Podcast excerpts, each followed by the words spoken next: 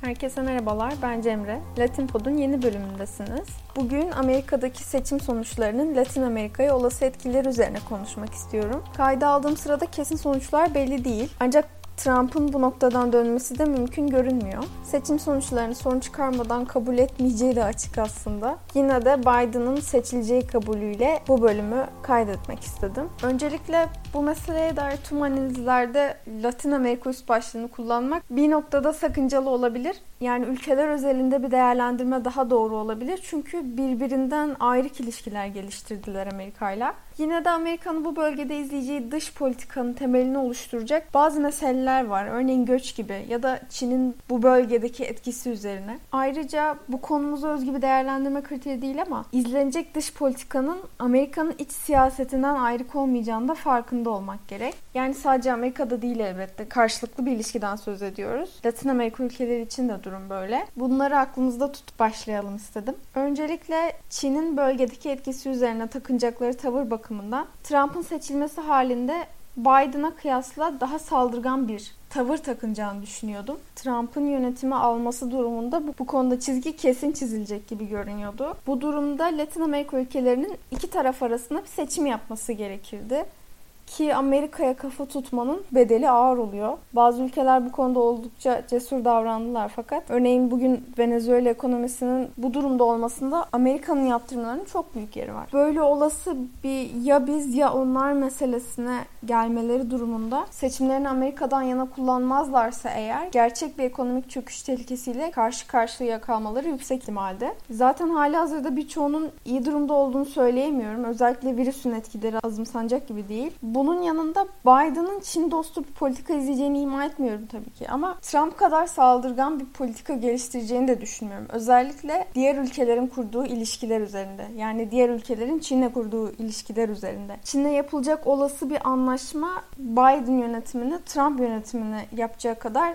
tetiklemeyecektir diye düşünüyorum. Yani genel geçer konuşmak zor elbette burada. Anlaşmaların kapsamları da önemli olacaktır. Ama dediğim gibi saldırgan bir tavırdan ziyade Çin'in etkisini azaltmak adına bu ülkelerle işbirliğine gitmesi muhtemel görünüyor. Göç meselesine gelince Trump'ın bu zamana kadar bu konuda ne kadar sert bir tavır takındığını hepimiz gördük. Sınırda duvar inşası hala Trump'ın seçmeninden ilgi ve destek gören bir mesele. Biden ise duvar inşasının güvenlik sorununa bir çözüm getirmediğini, üstelik bunun vergi mükelleflerinin üzerinde çok büyük bir yük olduğunu savunuyor. Ayrıca duvar, kaçak göçmenler ve uyuşturucu kartelleri meselesinde Trump'ın sağduyulu politikalar izlememekliyor. Burada vaat edilen aslında Biden'ın illegal göçün kökünde yatan sebeplere eğilme meselesi. Yani buna yönelik yatırım ve yardımlar. Göç konusunda ayrıca çok sayıda insanın sınır dışı edilmesini Biden doğru görmüyor gibi görünüyor. Göçmenler konusunda izlenecek politikada bu yönde ilerlerse Biden kendini Trump'ın yanında Obama'dan da ayırmış olacak. Zira Obama çok ama çok sayıda insanın sınır dışı edilmesine sebep olmuştu. Şimdi tüm bunlarla bağlantılı olarak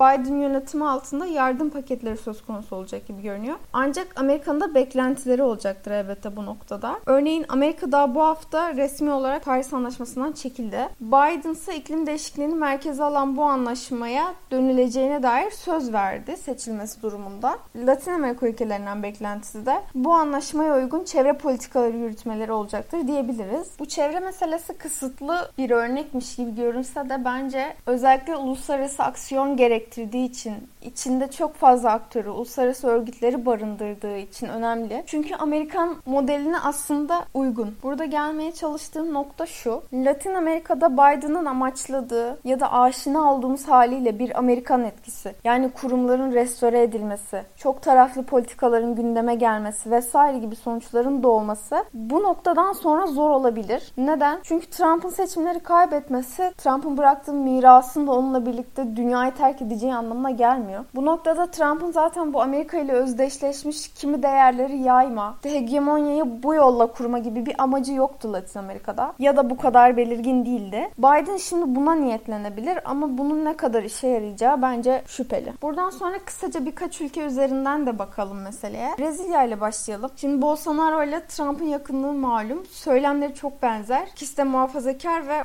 otoriter bir çizgiyle ilerlediler. Özellikle iç politikada. E Biden Bolsonaro Bolsonaro ile aynı yakınlığı göstermeyecektir diye düşünüyorum. Özellikle az önce bahsettiğim çevre politikaları üzerine ters düşmeleri muhtemel. Bolsonaro hep kayıtsızdı bu konuda. Yani Amazon yangınlarının dahi gerçek olmadığını iddia etti. Biden özellikle Paris Anlaşması'na dönüş için verdiği garantiyle bu konuda izleyeceği yolu göstermiş oldu diyebiliriz. Yalnız bu Biden'ın tek taraflı teklifleriyle yürüyecek bir mesele de değil. Bolsonaro daha önce Biden'ın ormanların yok oluşunu durdurmak için verdiği yardım önerisini kesin bir dille reddetmişti. Ve bu tavrından bundan sonra dönmesi için de bir sebep göremiyorum açıkçası. Venezuela ile devam edelim. Bu konuda Biden'ın sözleri ilginç. Şimdi Biden da buradaki krizde Guaido'yu destekleyenlerden biri. Maduro'ya düşman gözüyle bakılıyor ortak. E, Trump da burada rejimin değiştirilmesine dair isteklerine yaptırım yoluyla ulaşmaya çalışmıştı. Ve Biden da aslında yaptırım politikasının tam anlamıyla sona erdirecek gibi görünmüyor. Yalnız şöyle bir farklılık var. Trump'ın yaptırımları tüm ülkeyi çok kötü etkiledi. Yani Venezuela'yı ekonomik anlamda bitirdi. Şimdi Biden Maduro'ya ya da Maduro hükümet yetkililerine yaptırımları sürdürecek. Ama bu sırada da örneğin Venezuela vatandaşlarına geçici koruma statüsü verilmesi planlanıyor. Yani ülke çapında yaptırımlardan ziyade yetkililere yaptırımlar uygulanacakmış gibi görünüyor ki daha isabetli olur diye düşünüyorum. Son olarak Meksika'ya gelelim. Meksika ile ilişkileri göç başlığının dışında konuşmak pek kolay değil. Şimdi bu meseleyle ilgili bazı haberler çıkmıştı. İşte bazı göçmenler şu an Meksika'da bek- bekliyorlar ki Trump seçimi kaybetsin ve kolayca Amerika'ya geçebilsinler. Daha önce belirttiğim gibi göçmenler meselesinde Biden Trump kadar sert bir tutum takılmayacak gibi görünüyor. Yine de bu sınırların tamamen açılacağı anlamına gelmez. E bundan ziyade en başta göçe gerek kalmaması için çalışacağını sinyalleri veriyor. E, Lopez Obrador'un Trump'la ilişkileri son dönemde iyiydi. Ancak burada yine de Biden'la birlikte çalışması da söz konusu olabilir diye düşünüyorum. Bu bölümü burada sonlandırıyorum. Haftaya görüşmek üzere, hoşçakalın.